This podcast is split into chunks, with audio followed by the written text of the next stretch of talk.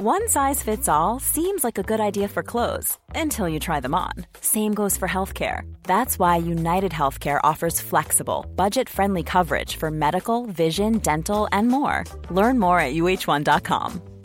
Hey, it's Ryan Reynolds, and I'm here with Keith, co star of my upcoming film, If, only in theaters, May 17th. Do you want to tell people the big news?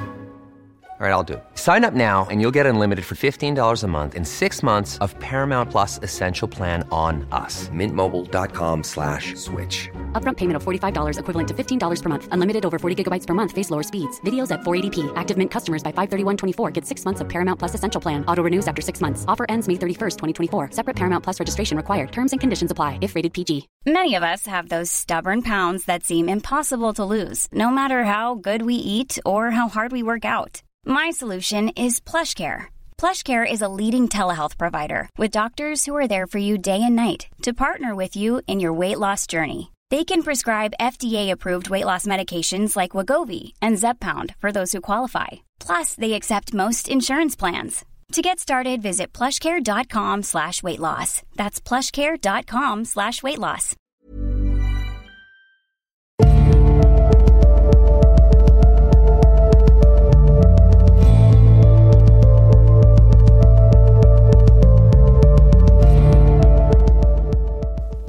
Hei og velkommen til eh, Tåkeprat.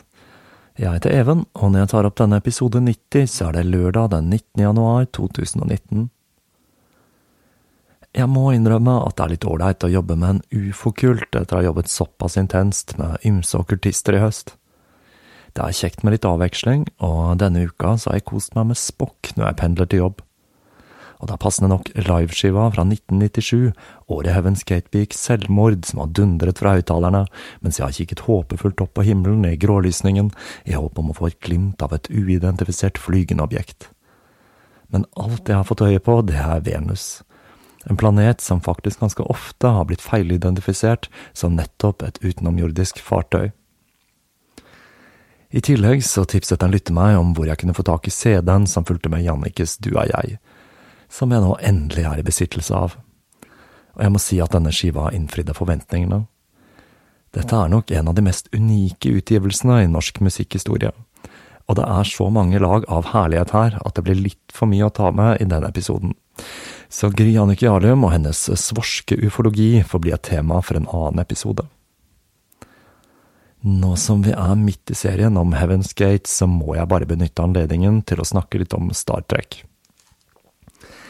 Litt med tanke på dere som kanskje ikke har brukt fullt så mye tid som meg selv på denne serien. For universet til skaperen Gene Roddenberry skulle være svært viktig i forklaringsmodellen Heaven's Gate brukte for å formidle læren sin. Star Trek ble startet som en TV-serie i 1966, og selv om den originale serien nok ser litt shabby ut etter dagens standard, så var dette en banebrytende serie. Som all god science fiction var den full av kommentarer til samtidens kultur, og serien gjorde en rekke vågale ting, som at mannskapet var fra ulike etnisiteter, og serien kunne skilte med en svart kvinne, løytnant Uhura på broen i Enterprise i 1966. Noe som var veldig spesielt, siden det kun var to år siden de siste rasesegregeringslovene hadde blitt avviklet i USA. Roddenberry solgte for øvrig ideen om Star Trek som en romwestern til TV-selskapene. Og det at serien hadde sterke politiske undertoner, var noe som gikk over hodet på de som ikke var woke, for å bruke et amerikansk nyord.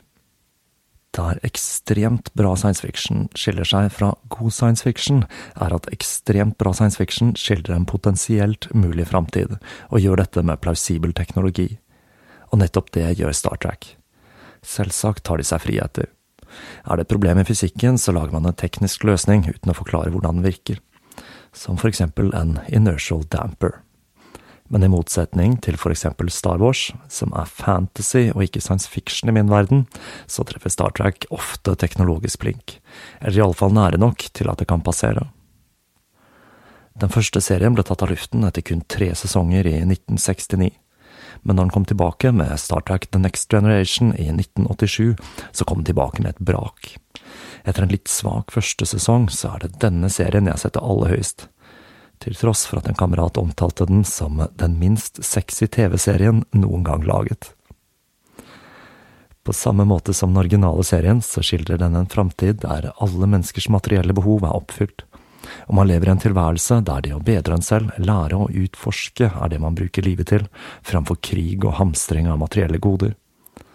Og på samme måte som i originalen, så blir vi introdusert for tematikk som reflekterer vår egen samtid og en mulig framtid. Og i denne serien så er det ikke fullt så mange cowboynykker fra kapteinen som i originalen. Snarere tvert imot, og jeg tror kaptein Jean-Luc Picard må være en av mine favoritter blant fiksjonelle karakterer gjennom tidene.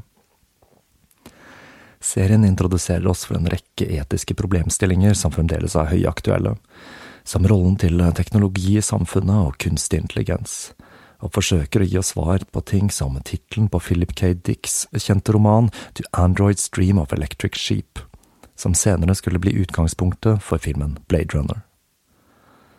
Denne serien skulle det heldigvis bli flere episoder av enn i originalen, og Startuck The Next Generation kan skilte med hele 178 episoder fordelt over sju sesonger, noe som både er kult og litt skremmende med tanke på at jeg har sett hele serien flere ganger. Men det var riktignok før jeg begynte å bruke enhver ledig stund på podcasting. Denne serien ble fulgt av fire andre, hvorav den siste er Discovery, som akkurat begynte på sin andre sesong denne uka, og hvor mykologen Paul Stamets har en finger med i spillet. Og innimellom alle TV-seriene så finner vi også en rekke filmer. Heaven's Gate var svært inspirert av Star Trek, og ikke minst denne fiktive kvasimilitære ordenen Starfleet, som er der personer som vil være med å utforske det store ukjente rommet, må gjennomgå opplæring for å kunne bli en del av mannskapet på et skip som Enterprise. To boldly go where no one has gone before. I denne andre episoden av Himmelporten skal vi se nærmere på hva Heaven's Gate bedrev tiden med, og hva de trodde på. Dette blir nok en forholdsvis tung og teologisk orientert episode, men jeg skal forsøke å gjøre den så spiselig som mulig. Denne episoden er heller ikke kronologisk, men setter søkelys på ulike deler av praksisen og livet i Heavens Gate.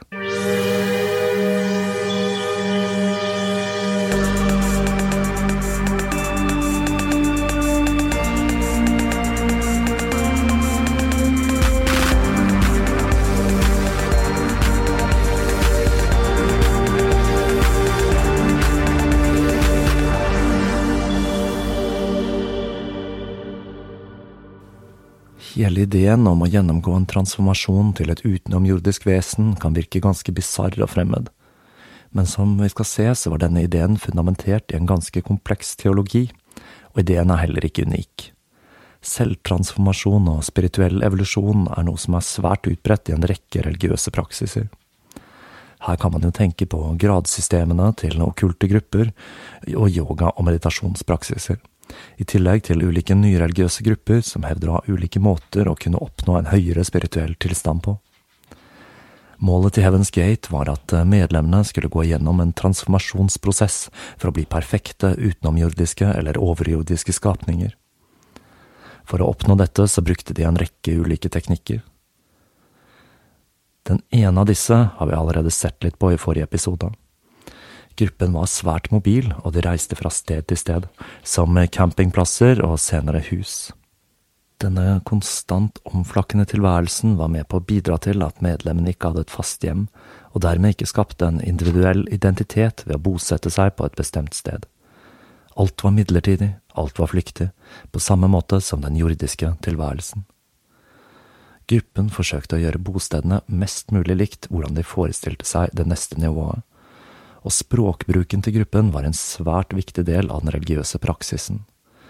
For med den så skapte de en atmosfære som minnet de om det neste nivået, og den var med på å separere det fra sin menneskelighet. De forsto det slik at vesener på det neste nivået tilbrakte det meste av tiden sin i romskip. Og for å illustrere dette så lånte de begreper fra science fiction som Star Trek, Battlestar Galactica og Stargate. For medlemmene så ble de ulike boligene hellige rom, som deres svar på en kirke eller et tempel. For eksempel så ble soverom kalt rest chambers, kjøkken Nutrilabs, vaskerom Fiberlabs og kontor Compulabs. Medlemmene følte at disse begrepene reflekterte den høyteknologiske virkeligheten til de opphøyde vesenene på det neste nivået. Når de måtte forlate boligen for å jobbe for å tjene penger til kollektivet, så ble dette betegnet som en tur ut av skipet.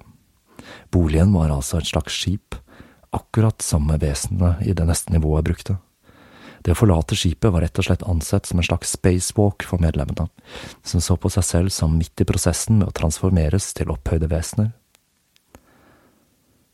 Dette skulle gjøre at de ble interessert i fenomenet Earthship, et konsept utviklet av Michael Reynolds, som beskriver hvordan man skal bygge et totalt selvforsynt bolig av ting som gamle bildekk og tomflasker.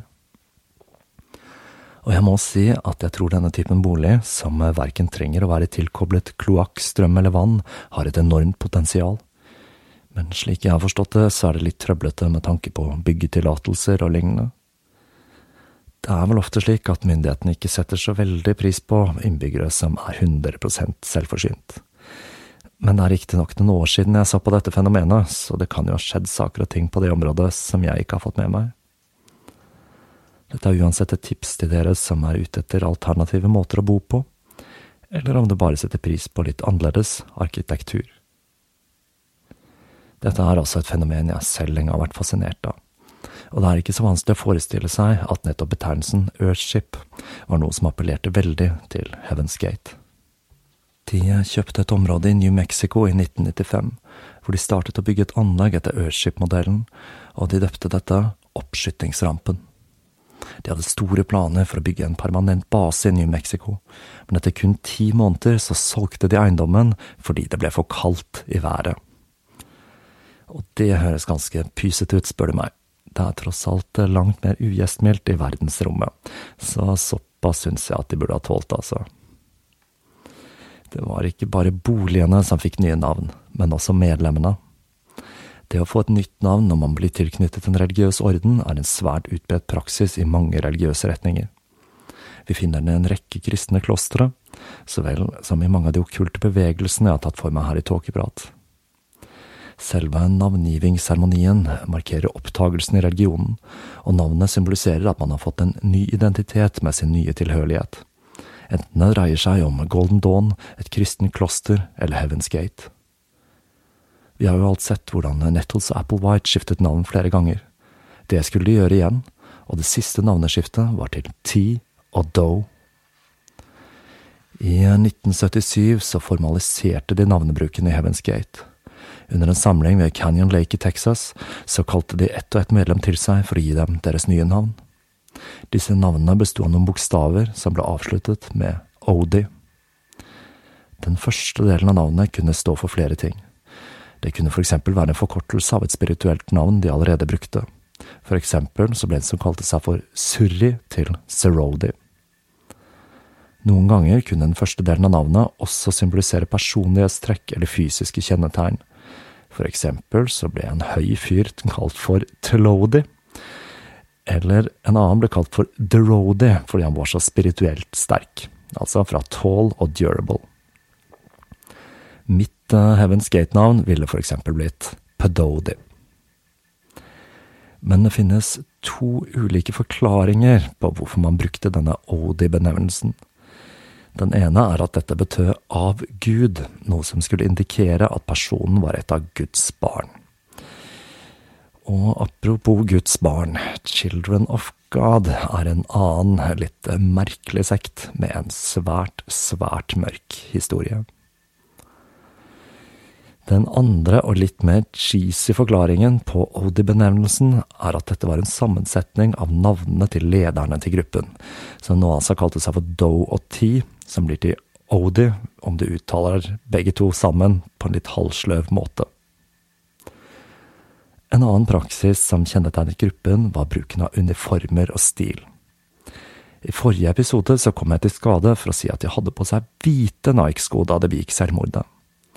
Når jeg leste litt mer rundt uniformsbruken, så oppdaget jeg at dette er feil. De hadde nemlig gått for tidløs og stilsikker sort og ikke hvit.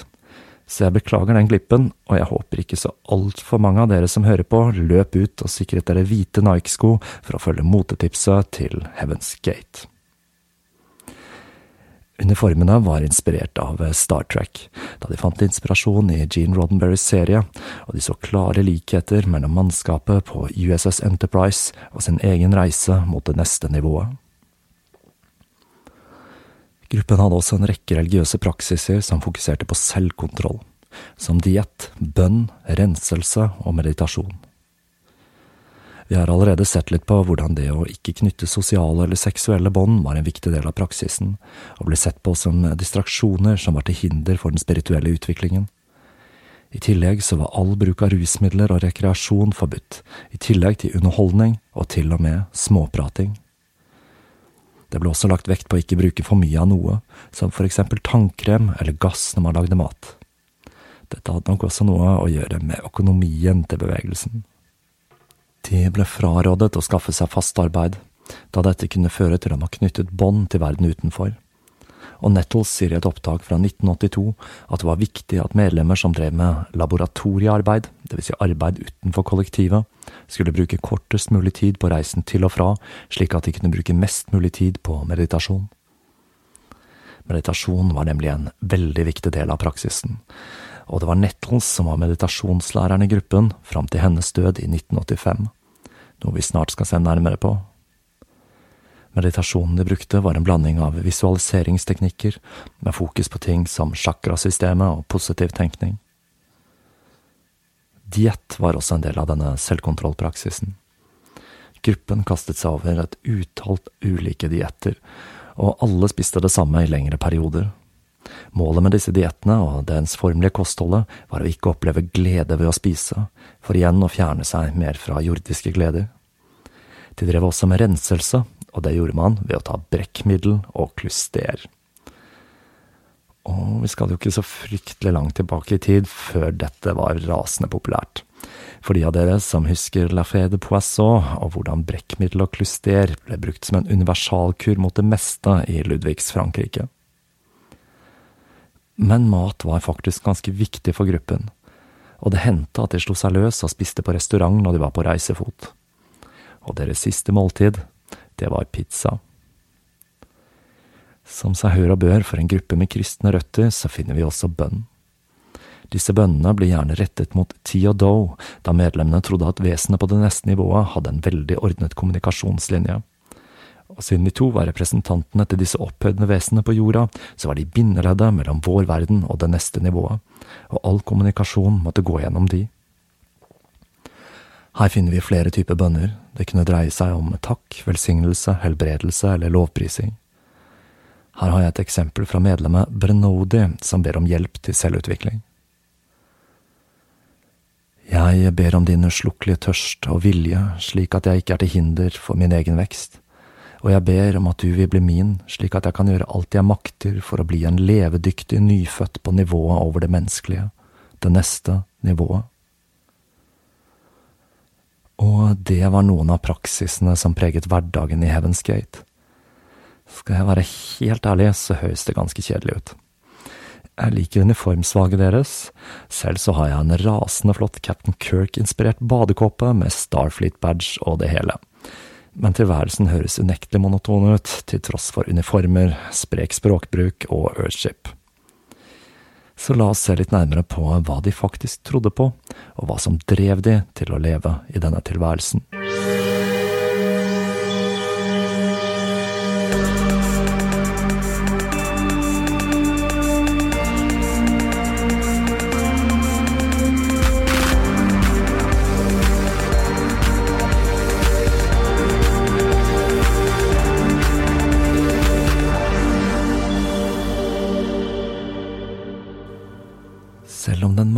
Religionsmiksen Heaven's Gate praktiserte, ved første øyekast kan virke litt underlig, så er ikke det å blande inn nye elementer i en religion en ny idé. Kristendommen har for eksempel tatt til seg paganistiske og romerske høytider, og her i nord er julefeiringen basert på eldre førkristne tradisjoner kristendommen senere la sin hevd på. Verken juletrær eller nisser blir nevnt i Det nye testamentet, og som vi har sett, så har påskeharen og krim veldig lite å gjøre med Jesu oppstandelse. Dette gjelder også de andre store verdensreligionene som buddhismen og islam, som også har tatt til seg lokale skikker og praksiser. Det Heaven's Gate gjorde, var å tolke kristendommen med New Age og ufologibrillene på, i et samfunn der nyreligiøsitet og kristendom allerede gikk hånd i hånd, og hvor det for en stor del av amerikanere ikke var noe selvmotsigende med å kalle seg selv kristen, og samtidig ha en tro på spiritisme, X-Files, ufo-fenomenet og ting som yoga som en spirituell praksis. Når man ser litt nærmere på tankegodset til Heaven's Gate, slik vi skal gjøre nå, så blir det klart at Heaven's Gate var en fundamentalistisk kristen gruppe med New Age-elementer, og ikke en New Age-gruppe med kristne elementer. Dette til tross for at mange bevegelser innen New Age bruker kristne elementer, slik som Märtha Louise og hennes engleskole Soul Spring.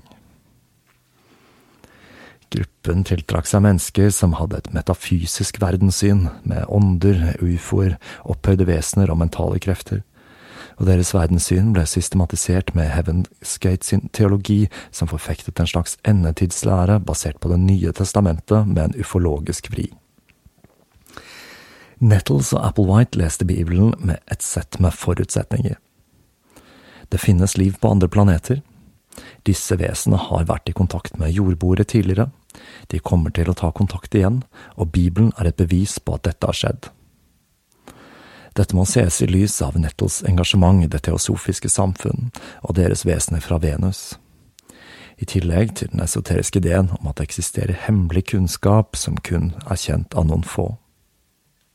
Ufologien var et felt som oppsto i USA på 50-tallet, etter piloten Kenneth Arnold hadde observert flygende objekter i The Pacific Northwest, og ikke minst etter det kjente krasjet av et objekt i Roswell, New Mexico i 1947. Avisene skrev først at objektet var en flygende tallerken, men dokumenter som ble degradert på 90-tallet, viser at dette dreide seg om en overvåkningsballong fra Prosjekt Mogul, som skulle overvåke atomprøvesprengninger. Med mindre det hele er en kjempestor konspirasjon for å skjule at amerikanske myndigheter fikk tak i både et utenomjordisk romskip og romvesener, som ble brukt i diverse hemmelige programmer, slik enkelte fremdeles hevder. Den kalde krigen, romkappløpet og atomvåpen var med på å stimulere framveksten til en ufologisk undergrunn. Det som ble beskrevet i denne gruppen, sammen møter med utenomjordiske vesener og mystiske flygende objekter, hadde langt mer med religion enn vitenskap å gjøre. Ufoen og romvesenet lokket med overjordisk visdom, mening og frelse uten en gud, og ideen om at romvesenene var de som skulle redde menneskeheten fra den selv, var svært utbredt. Ufoen var rett og slett en teknologisk Jesus, og etter å ha hørt Jannikes eh, Du har jeg-CD, så har dette blitt tydeligere for meg enn noen gang tidligere. How would you like to look five years younger? In a clinical study, people that had volume added with Juvederm Voluma XC in the cheeks perceived themselves as looking five years younger at six months after treatment. Look younger, feel like you. Add volume for lift and contour in the cheeks with Juvederm Voluma XC. Reverse signs of aging by adding volume to smooth laugh lines with Juvederm Volure XC. For important safety information and to find a licensed specialist, visit juvederm.com. That's J U V E D E R M.com. Not for people with severe allergic reactions, allergies to lidocaine, or the proteins used in Juvederm. Common side effects include injection site redness, swelling, pain, tenderness, firmness, lumps, bumps, bruising, discoloration, or itching. There's a risk of unintentional injection into a blood vessel, which can cause vision abnormalities, blindness, stroke, temporary scabs, or scarring. Talk to a licensed specialist to find out if it's right for you. Hey, it's Ryan Reynolds, and I'm here with Keith, co star of my upcoming film, If, only in theaters, May 17th. Do you want to tell people the big news? All right, I'll do it. Sign up now and you'll get unlimited for $15 a month in six months of Paramount Plus Essential Plan on us. Mintmobile.com slash switch. Upfront payment of $45 equivalent to $15 per month. Unlimited over 40 gigabytes per month. Face lower speeds. Videos at 480p. Active Mint customers by 531.24 get six months of Paramount Plus Essential Plan. Auto renews after six months. Offer ends May 31st, 2024. Separate Paramount Plus registration required. Terms and conditions apply if rated PG.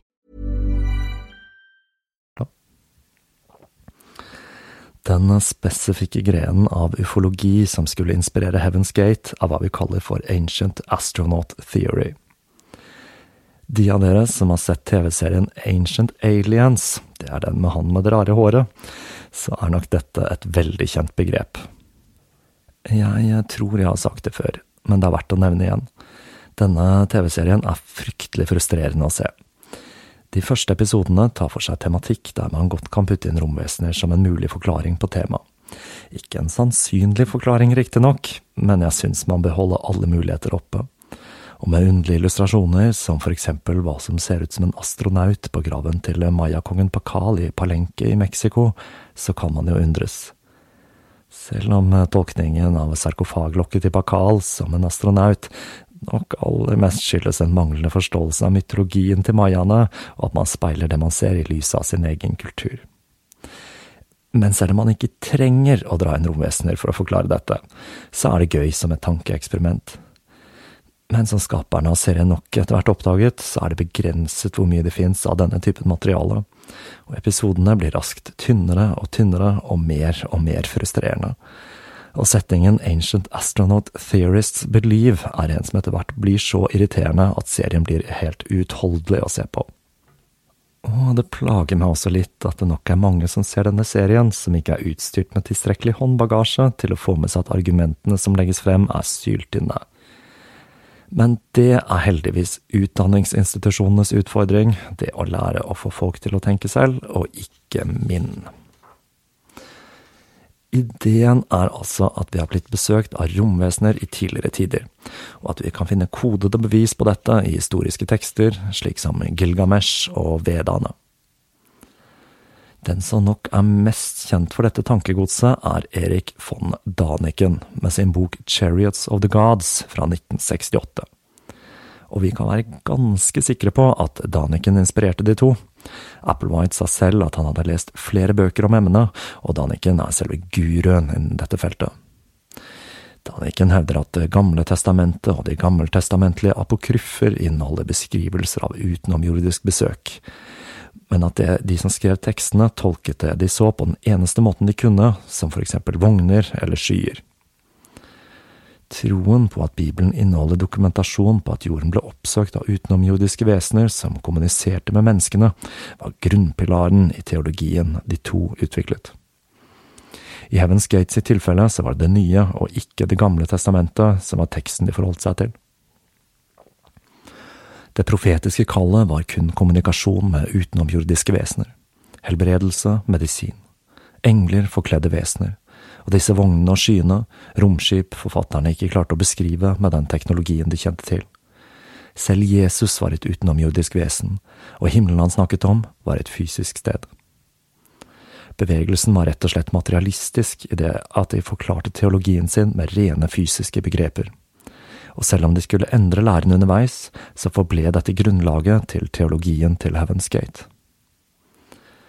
Heaven's Gate var også svært opptatt av vitenskap og teknologi, noe som ikke er så veldig overraskende for en ufo-kult.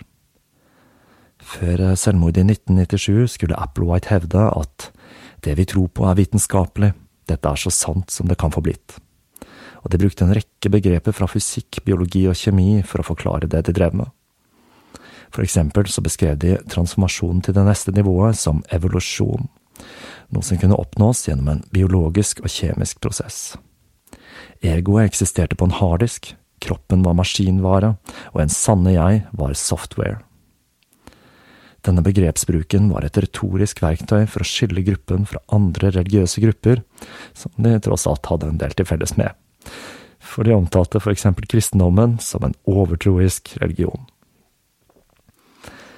Deres himmelrike var et fysisk sted, et sted man kunne nå med et romskip. Og, i alle fall til å begynne med, så hevdet de at man ikke trengte å dø for å komme dit. Som jeg sa om denne I am-bevegelsen, så tror de at disse opphøyde mesterne er mennesker som er kommet fysisk til et høyere stadie etter å ha gjennomgått en serie med reinkarnasjoner. Og det var akkurat det Heaven's Gate mente at disse vesenene på det neste nivået var.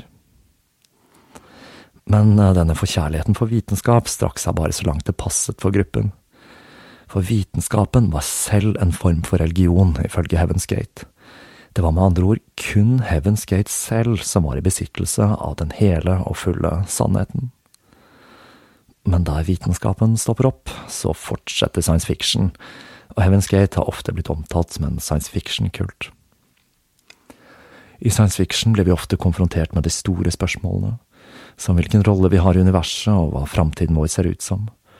Og i nettopp science fiction så fant de forklaringsmodeller som passet perfekt med det verdensbildet de hadde laget. Stargate var en av de filmene som fascinerte gruppen, og den ble omtalt som en historisk korrekt framstilling av medlemmene. Stargate, filmen og ikke TV-serien, er en jeg i hvert fall husker som ganske stilig, det er en del år siden jeg så den. I filmen blir vi introdusert for ideen om at de gamle egyptiske gudene egentlig var romvesener som kom til jorden via en portal, eller en Stargate, om du vil. Og så var det Star Trek. Begrepsbruken til denne TV-serien var en som forståelig nok appellerte til gruppen. De var et away-team sendt av kapteinen, som var Jesus, på et oppdrag på jorden. De fulgte hoveddirektivet, som i Star Trek er å ikke blande seg inn i andre kulturer som ikke har oppdaget romfart, men i Heaven's Gate var det å ikke blande seg inn i andres spirituelle utvikling. De skulle til og med forlate jorden på den ekte Enterprise, altså romskipet fra Star Trek. Denne begrepsbruken var et bevisst forsøk på å tiltrekke seg science fiction-fans ved å kommunisere budskapet med begreper de kjente til. Men det betyr ikke at de forsøkte å lure folk. Medlemmet Jevenodi fortalte at science fiction var langt fra fiksjon, men nærere virkeligheten enn de fleste var klar over. Og språket til science fiction gjorde det mulig å kommunisere hva de anså for å være religiøse sannheter.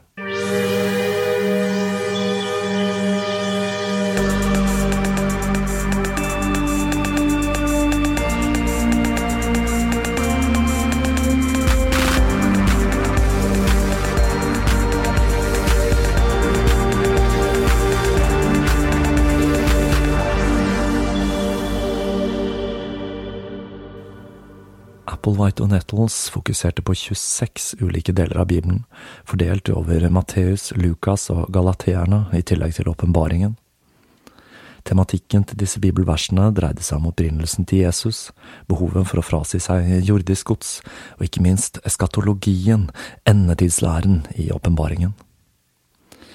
Til å begynne med fortalte de to at Jesus kom til å møte tilhengerne om bord i ufoen som skulle plukke de opp men allerede i 1975 så hadde medlemmene begynt å diskutere muligheten for at Applewhite faktisk var Jesus. Og det skulle han etter hvert bli. På begynnelsen av 90-tallet så steg han opp til statusen som den reinkarnerte Jesus, og i en melding de la ut på et Usenet-fora i 1995, kunne Applewhite fortelle. Jeg er i ferd med å returnere til min fars rike. Denne returen krever at jeg må legge fra meg min lånte menneskekropp for å kunne bli en del av eller gå tilbake til min biologiske kropp som tilhører Guds rike, slik jeg gjorde for omtrent 2000 år siden som Jesus, når jeg la fra meg min menneskelige kropp som var ca 33 år gammel, slik at jeg kunne ta tilbake min kropp i himmelriket. Gruppen var tidlig ute med å bruke nettet, og Usenet var en plattform de flittig benyttet seg av. Usenet er en type nettverk som oppsto mer enn et tiår før verdensveven, og som består av en rekke ulike nyhetsgrupper der man poster mailer. Det høres kanskje primitivt ut, men fram til ganske nylig så var dette en foretrukken måte for mange å få tak i binærfiler, vil si ting som filmer og musikk, framfor peer-to-peer-systemer som Pirate Bay. Det som var flott med Usenet, var at det hadde en viss læringskurve og krevde noe know-how noe som gjorde at systemet fikk være i fred for lovens lange arm, lenge etter programmer som Napster havnet i medienes søkelys. Systemet var rett og slett protected by nerds, i alle fall fram til nye nyhetsklienter gjorde det enkelt for hvermannsen å benytte seg av Usenet, og filmbransjen og TV-selskapene begynte å snuse på fenomenet. Samtidig som Applewhite steg opp til statusen som Jesus, så steg Nettles også i aktelse. Hun ble til det utenomjordiske vesenet som Bibelen omtaler som, holde dere fast, Gud. Jepp, Bonnie Lou Nettles, hun var den himmelske far, og nå skal vi snart se hvordan det gikk til. Dette konseptet om himmelriket som et fysisk sted var ekstremt viktig for Heaven's Gate. De kalte det altså for det neste nivået, men de brukte et begrep til, the evolutionary level above human, som ble forkortet med TELA. Dette konseptet var så viktig for dem at de startet Tela-stiftelsen, som skulle drive nettsiden deres etter selvmordet. Og som flere av dere lyttere har oppdaget, så er den siden fremdeles aktiv, og den driftes i dag av eksmedlemmene Marcodi og Surfodi. Så til tross for selvmordet, så er faktisk ikke Heaven's Gate helt ute av drift. Vesenene som levde på dette neste nivået, skulle være kjønnsløse, evige og barneaktige, og gruppen lagde illustrasjoner av hvordan de forestilte seg disse så ut Det kommer kanskje ikke som noen overraskelse, men det er kanskje en tanke skuffende at de så for seg disse som en klassisk grey one, som sakset ut av populærkulturen og X-Files. Syns jeg de kunne glemt det til med en tanke mer originalitet. Men når man ser på en klassisk grey alien, så kan den minne om et menneske som har gjennomgått noen millioner av år med evolusjon, eller et slags barn. Disse vesenene utgjorde det samme som englene i kristendommen. Men det finnes ingen lys uten mørke, eller det finnes ingen sommer uten vinter, for å sitere Dark Throne. Og Heaven's Gate hadde også sin egen demonologi, ta godt imot de luciferianske rasene. De onde romvesenene som fristet og lokket menneskene på avveiene, var noe som ikke ble så mye omtalt i begynnelsen av Heaven's Gate, men dette var et element som kom sterkere inn mot slutten av bevegelsen, når den begynte å bli mer apokalyptisk. Disse ondsinnede vesenene var ikke like utviklet som de på det neste nivået. De hadde også romskip, men de var nødt til å formere seg, og selv om de levde lange liv og var telepatiske, så var de ikke evige, slik som de opphøyde vesenene på det neste nivået. De luciferianske vesenene brukte teknikker som hologrammer for å utføre ting som virket som mirakler på menneskene, og på den måten så framstilte de seg selv som guder. Akkurat som i handlingen til Stargate. For de onde og gode vesenene var jorden en slags slagmark der de kjempet om menneskeheten. Og kun de som klarte å stå imot fristelsen fra luciferianerne, kunne bli opphøyde vesener og komme til det neste nivået. Denne kampen mellom det gode og onde var en som hadde pågått gjennom hele menneskehetens historie, der kun et lite knippe mennesker kunne ta del i himmelriket. Og her begynner det hele å minne litt om sintologien, synes nå jeg. Heaven's Gate var veldig fokusert på endetiden, og som jeg sa i forrige episode, så prediket de to at de var de to som ble omtalt som de to vitnene som skulle bli martyrer og gjenoppstå i Johannes' åpenbaring. Til å begynne med så forutså de at dette kom til å skje ved at de ble myrdet av en snikmorder, og at de etter å ha blitt erklært døde skulle komme til å gjenoppstå, gjennom en metamorfose som skulle gjøre de om til høyerestående vesener, og de og følgerne deres skulle bli plukket opp av en ufo, mens resten av menneskeheten innså at Heaven's Gate hadde hatt rett hele tiden, at de måtte forbli på jorden i påvente av den neste gangen en liten gruppe heldige utvalgte skulle stige opp til dette neste nivået. Til å begynne med så var altså ikke selvmord en del av planen, men dette skulle endre seg dramatisk når Nettles døde av leverkreft i 1985. Dette var et hardt slag for gruppen, og førte til en del teologiske krumspring fra Applewhite, som nå var gruppens eneste overhode. Nettles hadde vært plaget av ulike former for kreft i en lengre periode, for eksempel så måtte hun operere vekk det ene øyet i 1982. Utfordringen den var at Nettles slett ikke gjenoppsto slik de to hadde forutsett, men Applewhite han hadde en forklaring.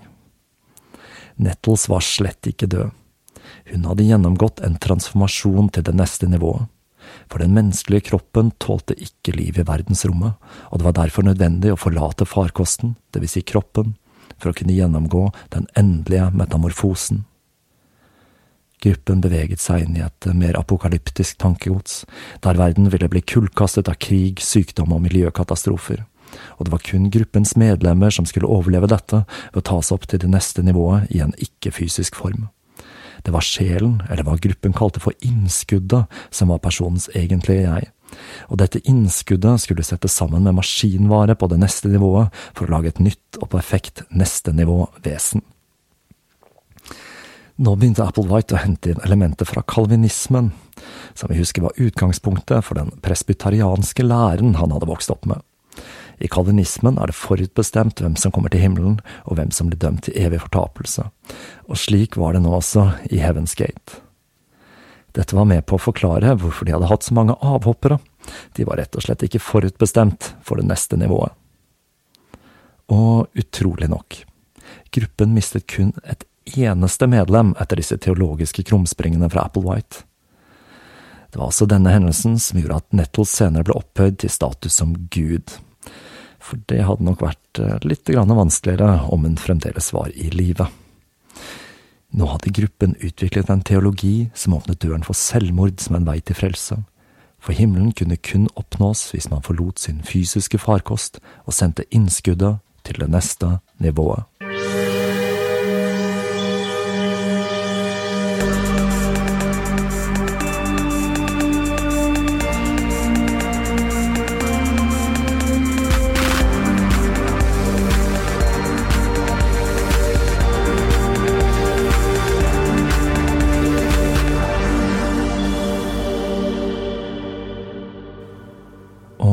Da setter vi punktum for den andre delen av historien om Heaven's Gate.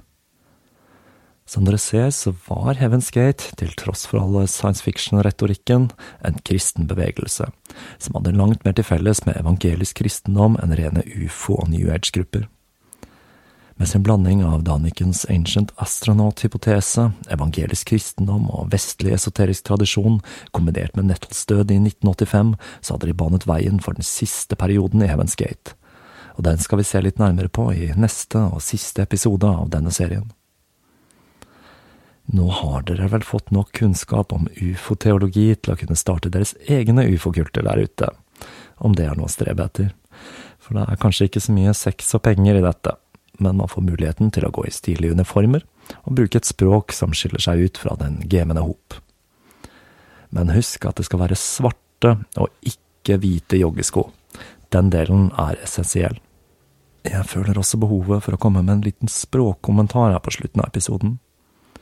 Jeg har valgt å bruke betegnelsen ufoen i denne serien, selv om jeg vet at ufoe er strengt talt den riktige betegnelsen.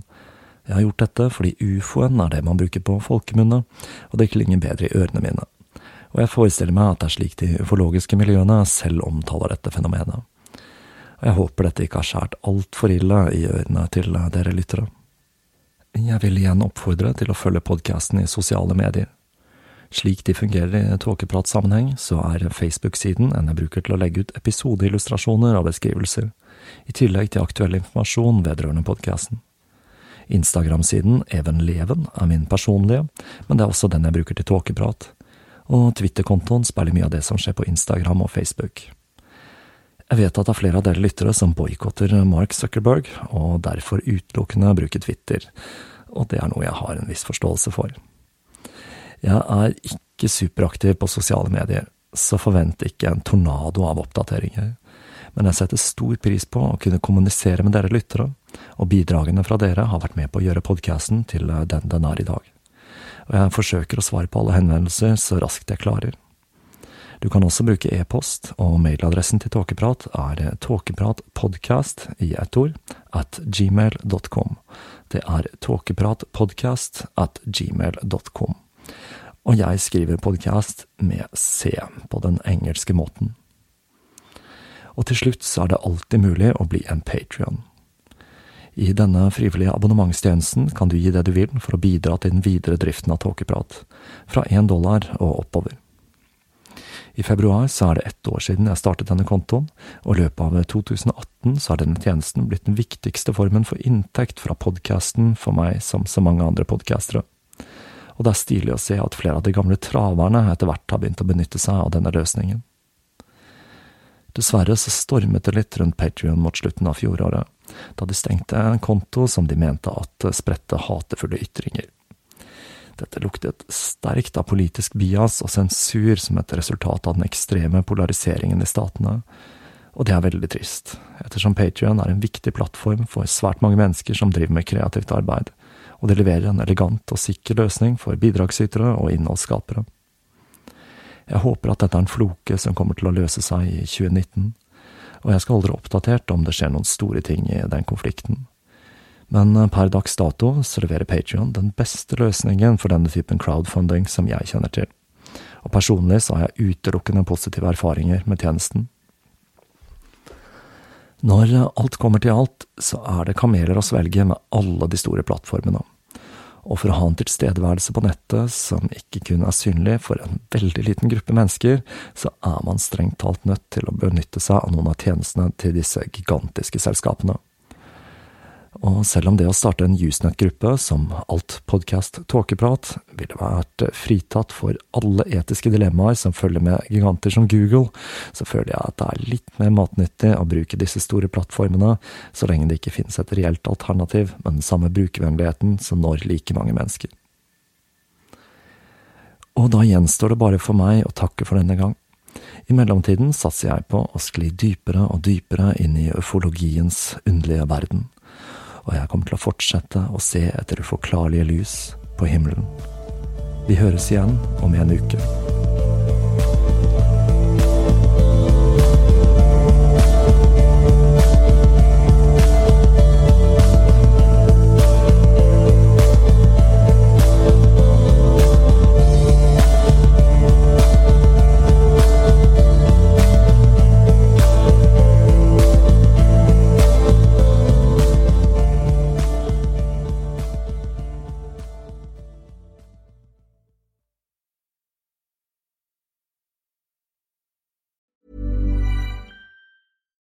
It's Paige DeSorbo from Giggly Squad. High quality fashion without the price tag. Say hello to Quince. I'm snagging high-end essentials like cozy cashmere sweaters, sleek leather jackets, fine jewelry, and so much more. With Quince being 50 to 80% less than similar brands. And they partner with factories that prioritize safe, ethical, and responsible manufacturing. I love that. Luxury quality within reach. Go to quince.com slash style to get free shipping and 365 day returns on your next order. Quince.com slash style.